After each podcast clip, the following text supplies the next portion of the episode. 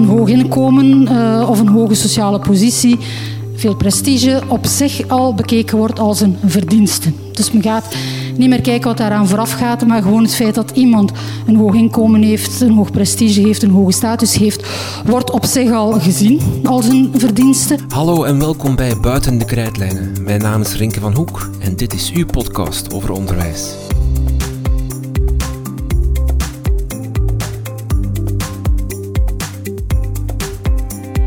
In deze aflevering luisteren we naar een lezing van Mieke van Hout, onderwijssociologe aan de Universiteit Gent. De lezing vond plaats aan de Universiteit Antwerpen en komt er in het kader van de toekenning van de Frankie-leerstoel aan professor van Houten. Het Belgische Frankie-leerstoelinitiatief stelt elke Belgische universiteit in staat jaarlijks twee professoren voor te dragen.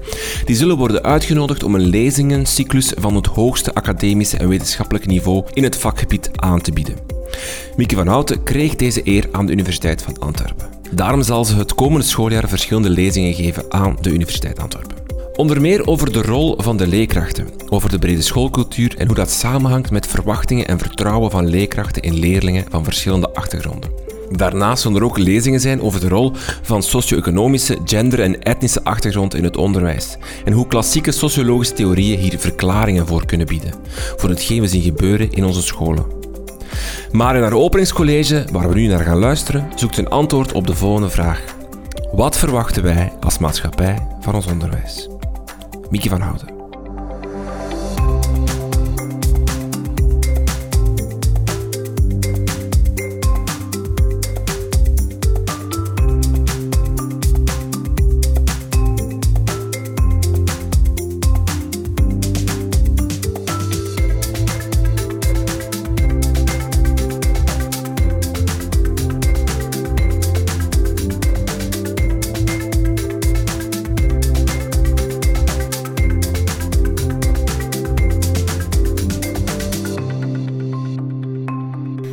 Geachte vice-rector, geachte vice-decaan, geachte collega's, geachte aanwezigen, dag allemaal.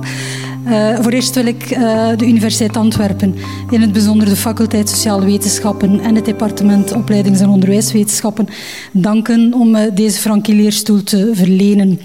Vooral dank aan mijn collega's professor Klik en professor Van Hoof, die me een paar maanden geleden al polsten en me hebben voorgesteld.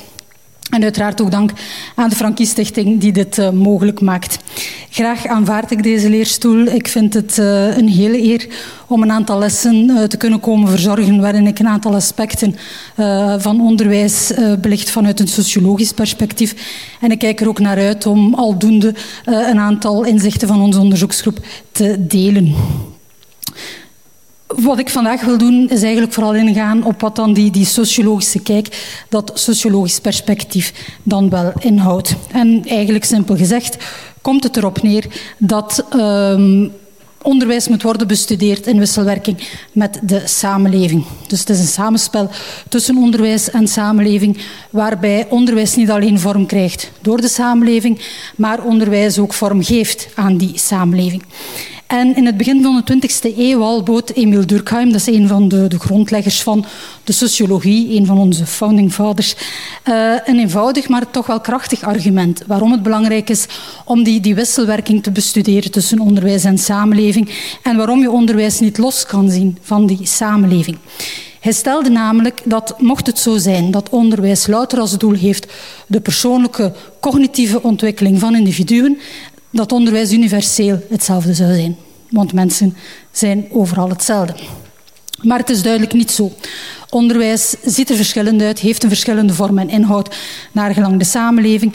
Er zijn duidelijke regionale verschillen, uh, die dus duidelijk maken dat onderwijs wordt bepaald door de samenleving. Durkheim die, die had daar enig zicht op. Vandaag staan we veel verder, vandaar dit, schema. Eigenlijk om te illustreren hoe wij vandaag aan de hand van internationaal vergelijkend onderzoek en aan de hand van bepaalde kenmerken inderdaad klassificaties maken van onderwijssystemen, waardoor we ook landen kunnen klassificeren. Dus zoals je ziet in uh, dit schema, uh, de eerste klassificatie duidt op pedagogische differentiatie en geeft eigenlijk een overzicht van landen die enerzijds, waar België bij hoort, heel sterk uh, scheiding maken, dus heel sterk differentiëren naar aan het andere uiterste landen waar een comprehensief systeem, uh, comprehensief systeem aan de orde is. De tweede differentiatie uh, gaat dan eigenlijk eerder over regionale verschillen die te maken hebben met de autonomie die uh, onderwijs al dan niet uh, heeft. En, en, dit illustreert eigenlijk heel mooi hoe we vandaag, helemaal in lijn met Durkheim, klassificaties maken die duidelijk maken dat onderwijs wel degelijk verschillend is. Nu, hoewel de meeste klassieke sociologen altijd ergens wel, wel iets te zeggen hebben over onderwijs. Dus ga kijken bij, bij Marx, Durkheim bijvoorbeeld, Weber, allemaal hebben ze wel iets te zeggen over uh, onderwijs, maar toch kunnen we zeggen dat als discipline de onderwijssociologie eigenlijk relatief en heel relatief uh, nieuw is en dateert vanuit de jaren 50 van de vorige eeuw en eigenlijk echt tot stand kwam na de Tweede Wereldoorlog. En dat is niet toevallig. Uh, dat, dat, het, uh, dat de onderwijssociologie toen een, een, serieuze opgang kende. Het westerse onderwijs kende immers een enorme expansie. Dus door demografische, economische factoren na de Tweede Wereldoorlog was er een uh, heel sterke toenemende differentiatie van het onderwijs, maar dus ook die massificatie. Dus veel meer leerlingen, veel meer kinderen vonden de weg naar het onderwijs, wat gepaard ging met idealen van democratisering. Met andere woorden, men zag meer en meer dat het onderwijs een hefboom zou kunnen zijn voor sociale mobiliteit en dat daardoor dan misschien de sociale ongelijkheid in de samenleving zou kunnen worden aangepakt. Het werd echter al heel snel duidelijk dat dat niet zo simpel is en dat het niet zo evident werkt uh, en dat onderwijs daar niet echt in slaagde. Integendeel. Het leek dat onderwijs eigenlijk zelfs die sociale ongelijkheid bestendigt, reproduceert. En dat gaf dan uiteraard redenen aan wetenschappers, sociologen, om vragen te stellen naar het hoe en het waarom van die bestendiging van die sociale ongelijkheid. En we zien dat dan eigenlijk de onderwijssociologie als discipline echt wel een enorme push krijgt. Dus dat het dan uh, echt wel uh, heel, heel sterk aanwezig wordt binnen de sociologie. En ook vandaag nog zijn onderwijs en sociale ongelijkheid eigenlijk een kernthema binnen de sociologie, binnen de onderwijssociologie. Nu, Durkheim, ik zal hem een paar keer noemen, vrees ik, is een functionalist. Dus dat betekent dat hij onderwijs ziet in functie van de samenleving. En ook vandaag nog zien we dat onderwijs door, door heel veel sociologen op die manier wordt bekeken en dat onderwijs wordt bestudeerd in termen van de functies die het heeft voor de samenleving. En dat is een, een specifieke functionalistische visie. Het functionalisme wordt vandaag niet meer zo, zo sterk beoefend, maar met betrekking tot onderwijs blijven een aantal principes wel helder.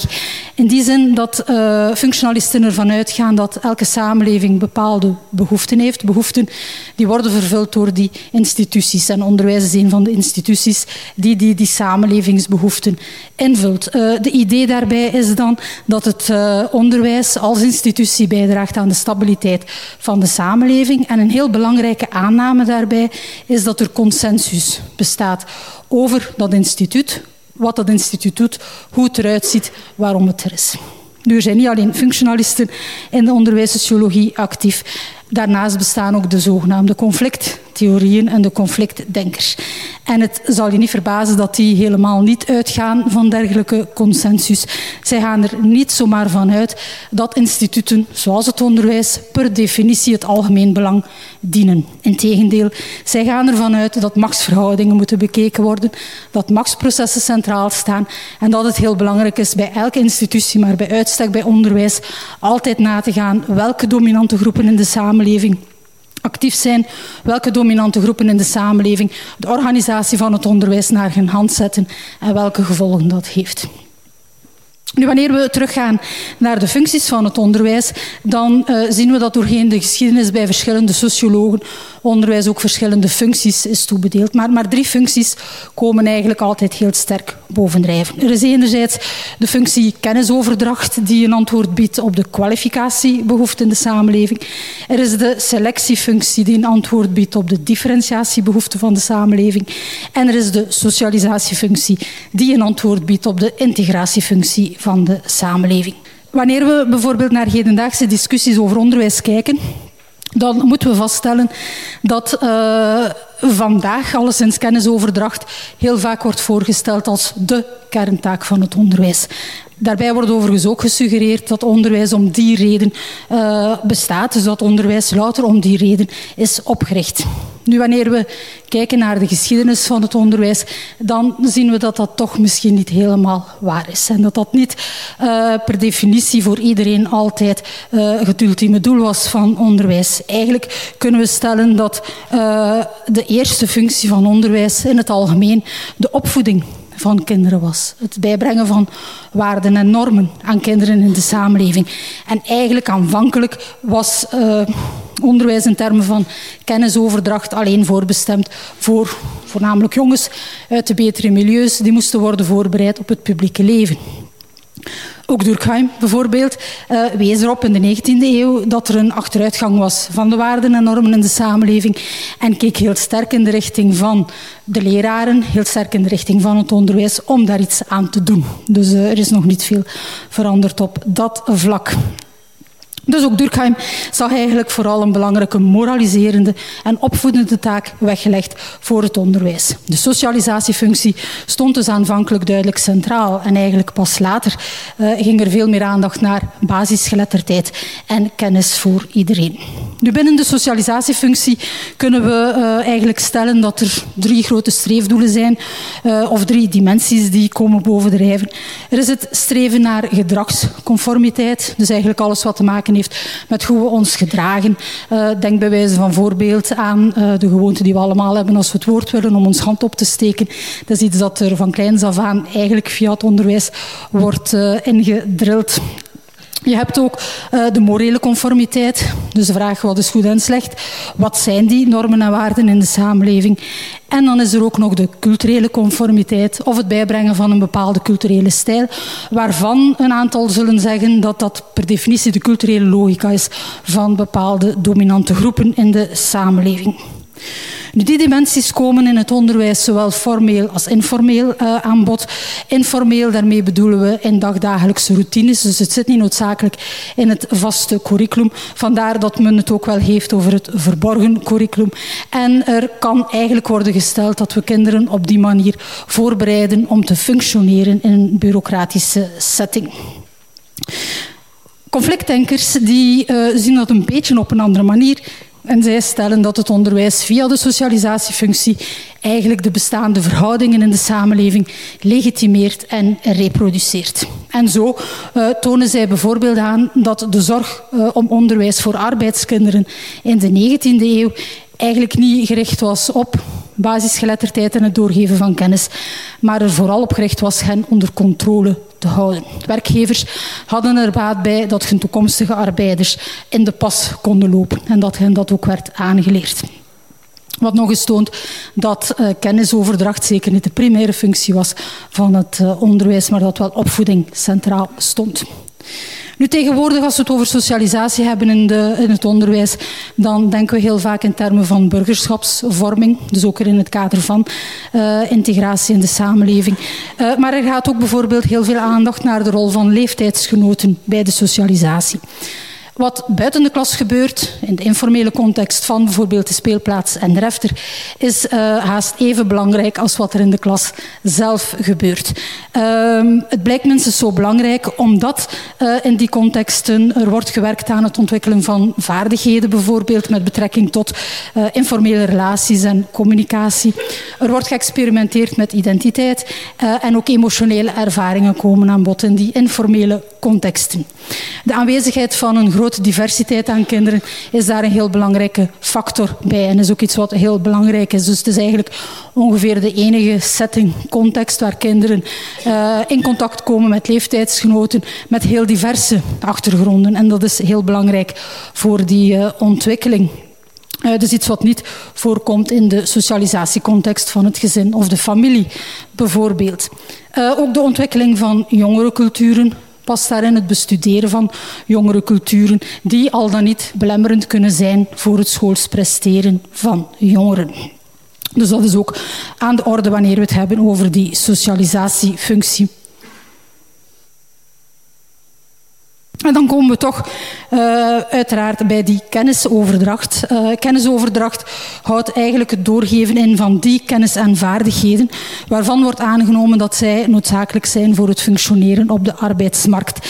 En in die zin uh, kunnen we zeggen dat onderwijs in verband wordt gebracht met het opleiden van goed geschoolde arbeidskrachten en dit in het belang van economische ontwikkeling, wat aansluit bij de gedachte dat onderwijs human capital creëert en op die manier dus bijdraagt aan de economische waarde van het individu en ook tot de economische groei van de samenleving.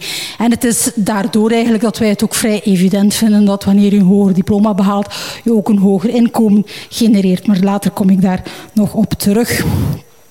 Nu, die diploma's die geven eigenlijk aan, dat zijn een indicatie van over welke kennis en vaardigheden mensen beschikken. Vandaar dat we kunnen stellen dat die kennisoverdracht eigenlijk een antwoord biedt op die kwalificatiebehoeften van de samenleving. Dus een samenleving heeft er behoefte aan te weten wie wat kan doen, wie welke positie kan invullen. Daarom is het belangrijk te weten welke kennis en vaardigheden iemand heeft. En diploma's zien wij dan als een indicatie van die kennis en vaardigheden die aanwezig zijn. We spreken ook over kwalificaties. We worden gekwalificeerd om iets te gaan doen. Uh, dus die kennisoverdracht die vervult eigenlijk die functie. Nu, conflictdenkers wijzen erop uh, op dat er een uh, gevaar schuilt in een mogelijk toenemend credentialisme. Nu, wat bedoelen zij daarmee? Uh, zij wijzen erop dat diploma's eigenlijk in toenemende mate geen representatie meer geven van welke kennis en vaardigheden iemand heeft, maar dat die diploma's gewoon op zich een bepaalde waarde krijgen. Dus dat die diploma's op zich beginnen te fungeren als wat zij noemen arbitraire en uitsluitende middelen om bepaalde voordelen binnen bepaalde groepen te houden. Dus die diploma's die doen eigenlijk in de samenleving niet meer noodzakelijk waarvoor ze zouden moeten dienen. Dus een indicatie geven van die kwalificatie.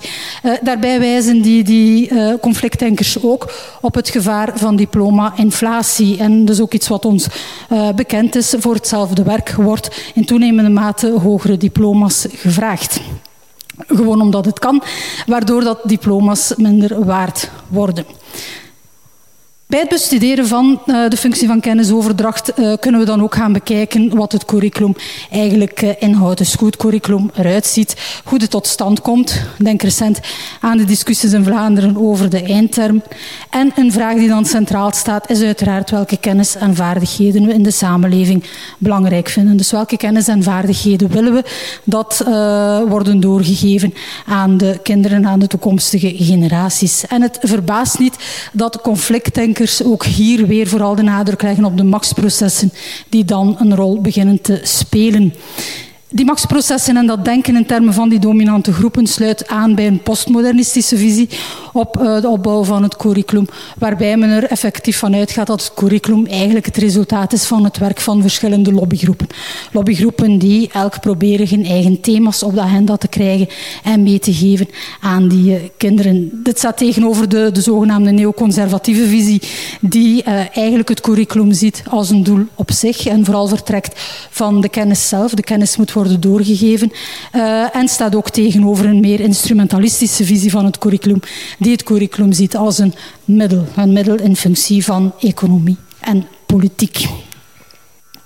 Nu, het is natuurlijk zo in de samenleving dat uh, niet iedereen dezelfde vaardigheden en kennis moet uh, meekrijgen. Uh, een samenleving uh, is heel uh, divers, zeker onze samenleving. Er zijn heel verschillende posities die moeten worden ingevuld. En het is duidelijk dat ja, niet iedereen over dezelfde kwalificaties moet beschikken. een loodgieter heeft andere kwalificaties, vaardigheden, kennis nodig dan een hersenchirurg bijvoorbeeld. Om de clichévoorbeelden maar eens boven te halen. Dus de samenleving heeft behoefte aan differentiatie en daarom wordt er aan selectie gedaan. Uh, de selectiefunctie als antwoord op die differentiatiebehoefte van de samenleving. En in die zin wordt het onderwijs ook wel eens getypeerd als een sorteermachine. Dus enerzijds heb je de zogenaamde verticale differentiatie, waarbij we onderscheid maken in termen van aantal gevolgde jaren onderwijs, dus het onderwijsniveau uh, waar iemand uh, geraakt. En anderzijds maken we onderscheid in termen van de richting of het soort beroep dat iemand doet. Dus de horizontale differentiatie. En het is duidelijk dat op verschillende momenten in de schoolloopbaan uh, kinderen worden gesorteerd. Uh, dus kinderen, leerlingen worden geselecteerd voor de volgende stap. Waarmee dan grotendeels vast ligt welke kwalificaties ze zullen meekrijgen. Waardoor men dan op de arbeidsmarkt weet waar men ze kan allokeren. Dus het hangt uiteindelijk allemaal uh, heel goed samen. En het onderwijs wordt als de meest geschikte institutie gezien om die functie te vervullen, uh, omdat het eigenlijk elke vorm kan implementeren die door de samenleving gewenst wordt en door de samenleving uh, wenselijk wordt uh, geacht. In die zin kunnen we dan onderwijssystemen gaan klassificeren aan de hand van bepaalde selectiemechanismen die er uh, geldig zijn. En hier zien we hetzelfde, uh, hetzelfde klassificatieschema dat ik al eerder toonde, maar dan een beetje specifieker, louter toegespitst op die verschillende vormen van differentiatie, waarbij je uh, ziet dat er een onderscheid wordt gemaakt tussen onderwijssystemen in termen van hoe lang jongeren samenzitten, dus het kerncurriculum, de gemeenschappelijke basis in het uh, secundair onderwijs.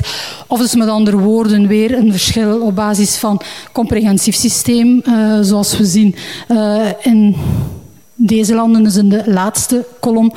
Uh, of landen ja, waar, waar, er heel snel een scheiding wordt gemaakt en er dus geen sprake is van een lang gedeeld gemeenschappelijk curriculum, dus waar het eerder kort is. En daar hoort België bij, uiteraard. Een andere uh, criterium dat we gebruiken, of een andere manier om te selecteren, uh, en dat zal misschien verbazen, maar dat is de, de mate van progressie. Of met andere woorden, de mate waarin landen gebruik maken van een mechanisme als zitten blijven. Great repetition. Uh, dus ook op basis daarvan kan je landen gaan onderscheiden van elkaar. Je, je ziet dat we hier dan te maken hebben met die verticale differentiatie, dus zitten blijven als een mechanisme waarmee je dat opleidingsniveau kan gaan uh, controleren. En dan wordt er ook nog gekeken naar de, de organisatie in termen van ability grouping. Uh, in het Engels of met andere woorden de mate waarin er een al dan niet rigide onderscheid wordt gemaakt tussen onderwijsvormen. En als je al die verschillende kenmerken samenneemt, dan kan je dus zoals hier is gebeurd, de verschillende onderwijssystemen, verschillende landen gaan klassificeren in termen van dus het gewenste selectiesysteem. Dus vandaar dat we kunnen zeggen dat onderwijs uh, dus eigenlijk heel goed die functie vervult voor de samenleving, omdat elke, functie, elke samenleving in functie van hun samenlevingsmodel bepaalde systemen kan gaan kiezen. En op die manier zie je dan effectief dat er verschillende systemen ontstaan. Dus enerzijds zijn er systemen waar herkomst een heel belangrijke rol blijft spelen, naast systemen waar het eigenlijk een soort van open wedstrijd wordt, uh, waarin de eigen geleverde inspanningen meer centraal komen te staan. In de jaren 60 had uh, Ralph Turner het in dat verband over een sponsored mobility system ten opzichte van een contest mobility system. Dus waarbij het eerste systeem herkomst nog altijd heel centraal stelt en het contestsysteem, dus de wedstrijd, uh, heel uh, open is. Later voegde James Rosenbaum, en dan situeren we ons in de jaren 70, nog een systeem aan toe dat hij typeerde als een tournament, een toernooi. En we weten allemaal wat de regels zijn van een toernooi. Als je wint, dan ga je naar de volgende ronde, maar verlies je, dan verlies je voor altijd. Bij een toernooi is dat redelijk drastisch. In een onderwijssysteem uh, ga je er niet aan dood, maar het blijft wel vrij radicaal. En ons watervalsysteem wordt vaak vergeleken met zo'n toernooimodel. Uh, je kan wel uh, in een bepaalde richting geraken, maar je kan eigenlijk alleen maar afzakken. En eens je aan het afzakken bent in die terminologie, dan ben je, om Rosenbaums terminologie te gebruiken, voor altijd verloren. Nu, wij weten op basis van ons eigen onderzoek dat uh, in zo'n watervalsysteem als het onze herkomst ook nog altijd een uh, rol speelt.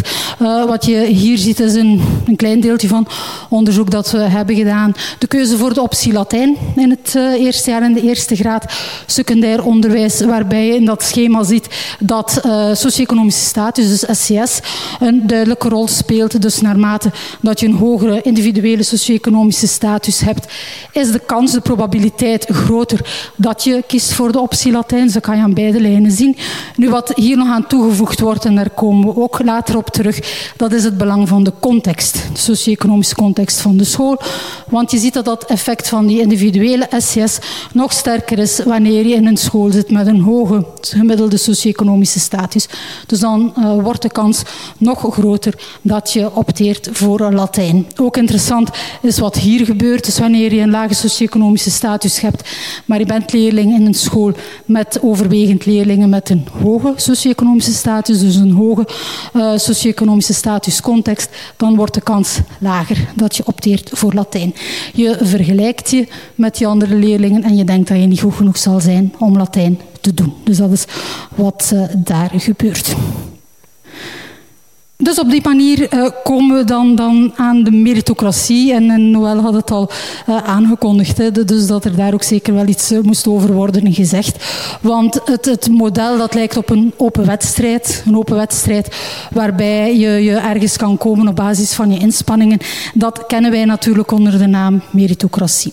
Nu, wat is een meritocratie? Een meritocratie is eigenlijk een maatschappijmodel. Het verwijst naar een maatschappijmodel waarbij de sociaal-economische positie die iemand inneemt bepaald wordt door zijn of haar verdiensten en dus niet door zijn of haar herkomst.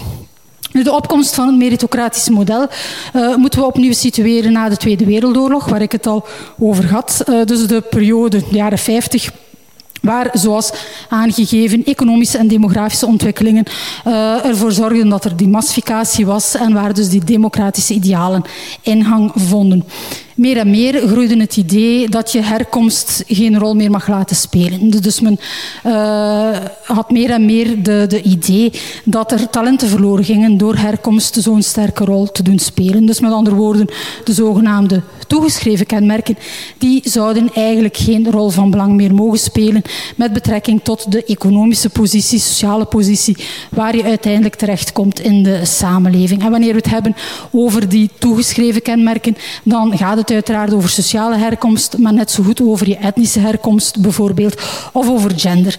Uh, dus allemaal voorbeelden van toegeschreven kenmerken. Nu, wanneer je enkel die kenmerken laat spelen in de bepaling van je uiteindelijke positie, dan is het evident dat er talenten zullen verloren gaan. Dus de idee was eigenlijk dat lage afkomst geen rol meer mag spelen van belang, dat lage afkomst met andere woorden geen belemmering meer mag zijn, geen hinder meer mag betekenen om een bepaalde positie te bereiken.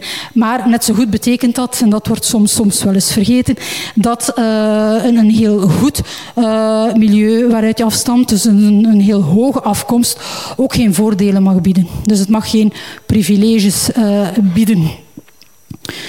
Dus herkomst, toegeschreven kenmerken minder van belang. De positie die je dan uiteindelijk bekleedt zou moeten bepaald worden door je verworven Of dus met andere woorden door je eigen verdiensten. Nu, dat klinkt heel evident en dat klinkt heel simpel, maar het is belangrijk daar toch eens blij te blijven stilstaan en uh, de cruciale vraag te stellen wat we dan eigenlijk begrijpen onder die verdiensten. Wat zijn dat eigenlijk, je eigen verdiensten? Dit verschilt duidelijk van samenleving tot samenleving. Dus ook hier zien we ook weer dat dat maatschappelijk bepaald wordt. En dan kunnen we dus effectief wel vragen beginnen stellen. Horen talenten daar bijvoorbeeld bij? Is een talent een toegeschreven kenmerk of is dat iets wat je zelf verwerft? Is het een verdienste dat je over bepaalde talenten beschikt? En welke talenten gaan we dan vergoeden, gaan we verlonen? Dat je goed kan voetballen, gaan we dat verlonen. Uh, en, en waarom geldt het dan niet voor, voor judo bijvoorbeeld? Daar doen we het dan niet gaat het louter om de inspanning die je doet, dus het harde werk dat je moet leveren, uh, dat dat verloond wordt, uh, of, of, is er meer aan de hand? Uh, moet daar nog iets bij komen?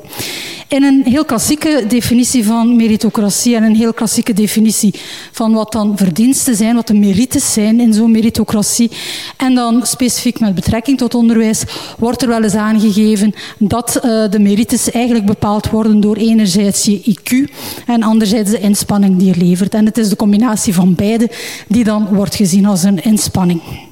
Uh, als een uh, verdienste. En in ons onderwijs wordt in die zin dan ook vaak heel zijdig uh, naar, naar dat mechanisme gekeken. Dus ook in ons onderwijssysteem vandaag zien we dat dat cognitieve bekwaamheid heel sterk voorop wordt gezet. Dat we heel eenzijdig kijken naar het belang van cognitieve bekwaamheid. We, we maken toetsen die daarop inspelen. Studiekeuze gebeurt op basis daarvan. en, en we stellen ons daar eigenlijk relatief weinig vragen bij.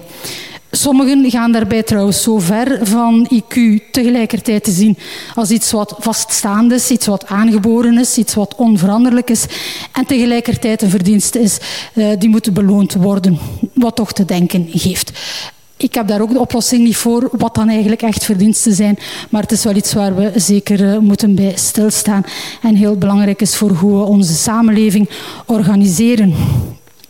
Nu, we zijn in onze samenleving alleszins heel sterk doordrongen van het meritocratisch ideaal dat het opleidingsniveau dat je bereikt of de uiteindelijke maatschappelijke positie die je bereikt uh, eigenlijk het resultaat moeten zijn van hard werken. Je krijgt wat je verdient. Dus dat is wat ons ook allemaal wordt meegegeven en waar we ook allemaal van overtuigd zijn.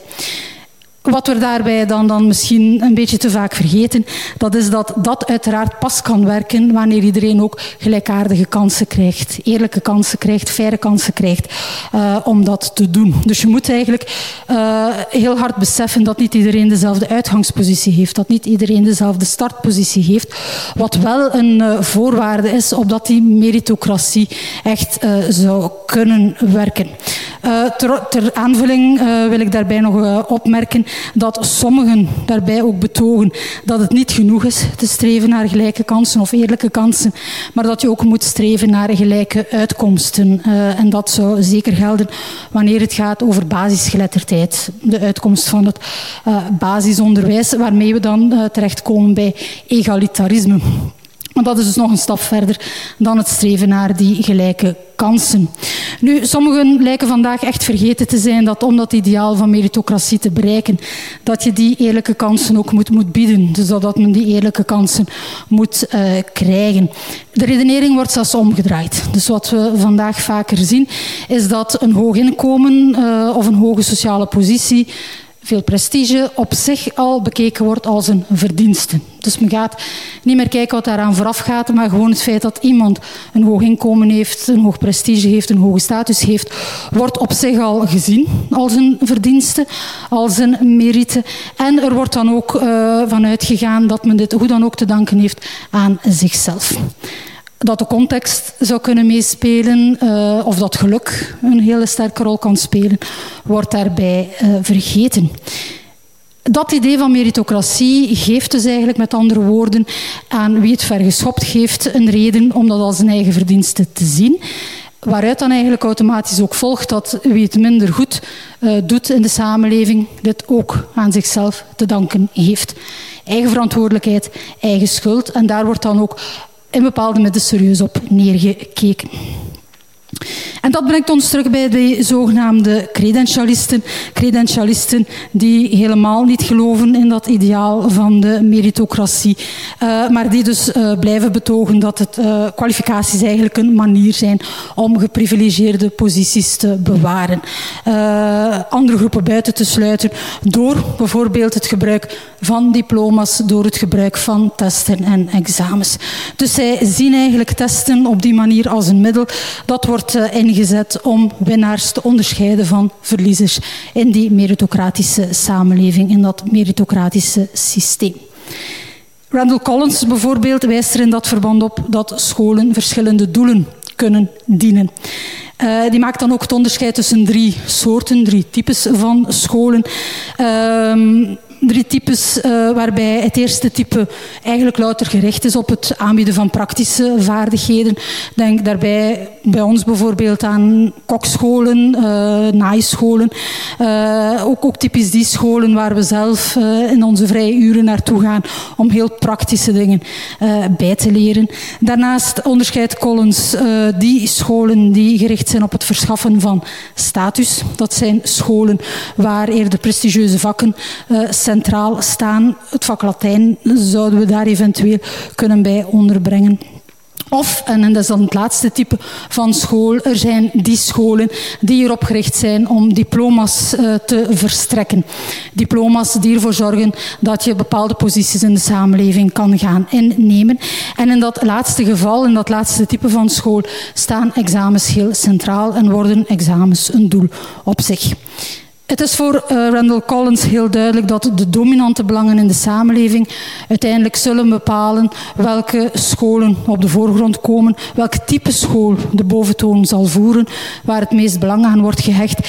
En het zal je niet verbazen dat dat laatste type, waarin die examens en die testen centraal staan, met het oog op het verlenen van diploma's, dat dat kenmerkend is voor een meritocratisch systeem. Het geloof in de meritocratie wordt daarom ook heel sterk op de korrel genomen, omdat het mensen die geslaagd zijn in het leven een, een perfect motief krijgen om niets te moeten veranderen aan structuren. Uh, het idee van de meritocratie wordt in die zin ook misbruikt. In die zin dat men uh, ervan uitgaat dat, dat iedereen kan slagen. De kansen worden geboden, je moet ze maar grijpen en niks aan de hand met structuren. Wat uiteraard niet is hoe sociologen erover denken. En dat brengt ons bij een laatste belangrijk uh, facet van die typische sociologische blik, die sociologische kijk. Met name uh, het idee dat structurele factoren heel belangrijk zijn, met name met betrekking tot gelijke onderwijskansen. Uh, bijvoorbeeld systeemkenmerken die eerlijke kansen verhinderen. Voor sociologen is het helder dat je gelijke kansen niet louter kan zien als een individueel gegeven. Dus dat je sociale ongelijkheid niet alleen moet gaan zoeken in individuele tekorten, wat typisch is voor een uh, deficit uh, denken, maar dat ook en vooral structurele kenmerken moeten worden blootgelegd en aangepakt. Internationaal vergelijkend onderzoek toont zo systematisch aan dat in landen met rigide onderwijs vormen en denk aan het klassificatieschema dat ik toonde, gecombineerd met vroege selectie, dat in die landen er een grotere kloof bestaat tussen de laagst en de hoogst presterende leerlingen vertaald naar het Vlaams systeem, de beste leerlingen in het ASO tegenover de, de zwakste leerlingen in het PSO. En dat er in die systemen meer sociale ongelijkheid is. Dus ook de kloof op sociaal vlak is groter in die systemen. Nu, typerend voor de sociologische kijk op onderwijs is dat aandacht gaat naar verschillende niveaus, dus het uh, macro, meso en microniveau, die dan met elkaar verbonden worden. Het uh, macroniveau is dan bijvoorbeeld dat, dat typische onderwijssysteem, vertaald naar de Vlaamse situatie, bijvoorbeeld onze strikte opdeling in het secundair onderwijs in termen van onderwijsvormen, of het feit dat we heel laag, die, die, op laag leeftijd, jonge leeftijd, die selectie doorvoeren. Die systeemkenmerken die kunnen we dan in verband brengen met mesokenmerken of de kenmerken van de school. Bijvoorbeeld de leerlingencompositie van een school. En dat kan dan weer een invloed hebben uh, op de interacties tussen bijvoorbeeld leerlingen en leerkrachten. Uh, en kan op die manier gevolgen hebben voor zowel de leerlingen als de leerkrachten. En dit is dan meteen ook de insteek die we in mijn team bij het grootste deel van ons onderzoek hanteren. Uh, het werk dat we doen, het onderzoek dat we doen, uh, situeren wij doorgaans binnen het uh, klassieke schooleffectenonderzoek, dat ook beoefend wordt door onderwijskundigen. Maar wij geven daar een beetje een sociologische twist aan, uiteraard. Uh, dus we vertrekken ook van dat idee dat die context heel belangrijk is. Dus de C van het uh, SIPO-model. Waarbij we gaan kijken naar bijvoorbeeld die systeemkenmerken. We kijken hoe dat systeem in elkaar zit en dan gaan we vervolgens kijken welke invloed dat geeft op de inputkenmerken van een school. Dus de I van het SIPO-model.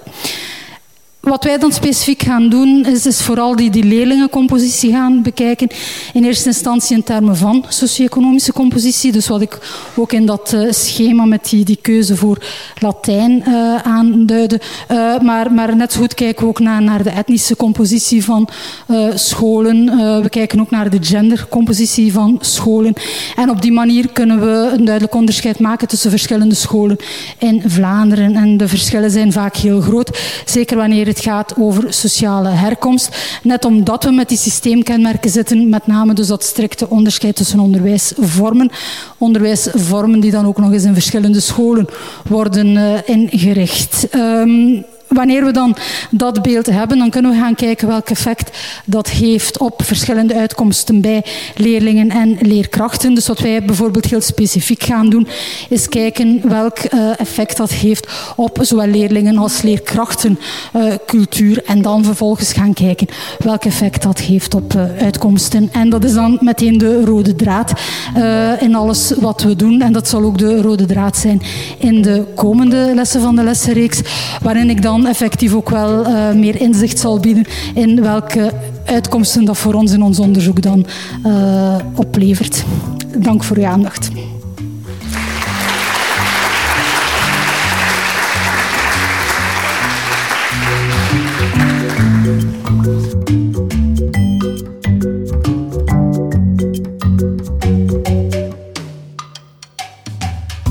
Was het dan weer voor deze aflevering. Veel dank aan Mieke van Houten, Universiteit Antwerpen en het bijzondere departement Opleidings- en Onderwijswetenschappen voor de samenwerking en het mogelijk maken van deze aflevering. Een link naar de lessenreeks die professor van Houten nog geeft aan de Universiteit Antwerpen vind je in de show notes van deze podcast. Dank voor het luisteren en tot de volgende.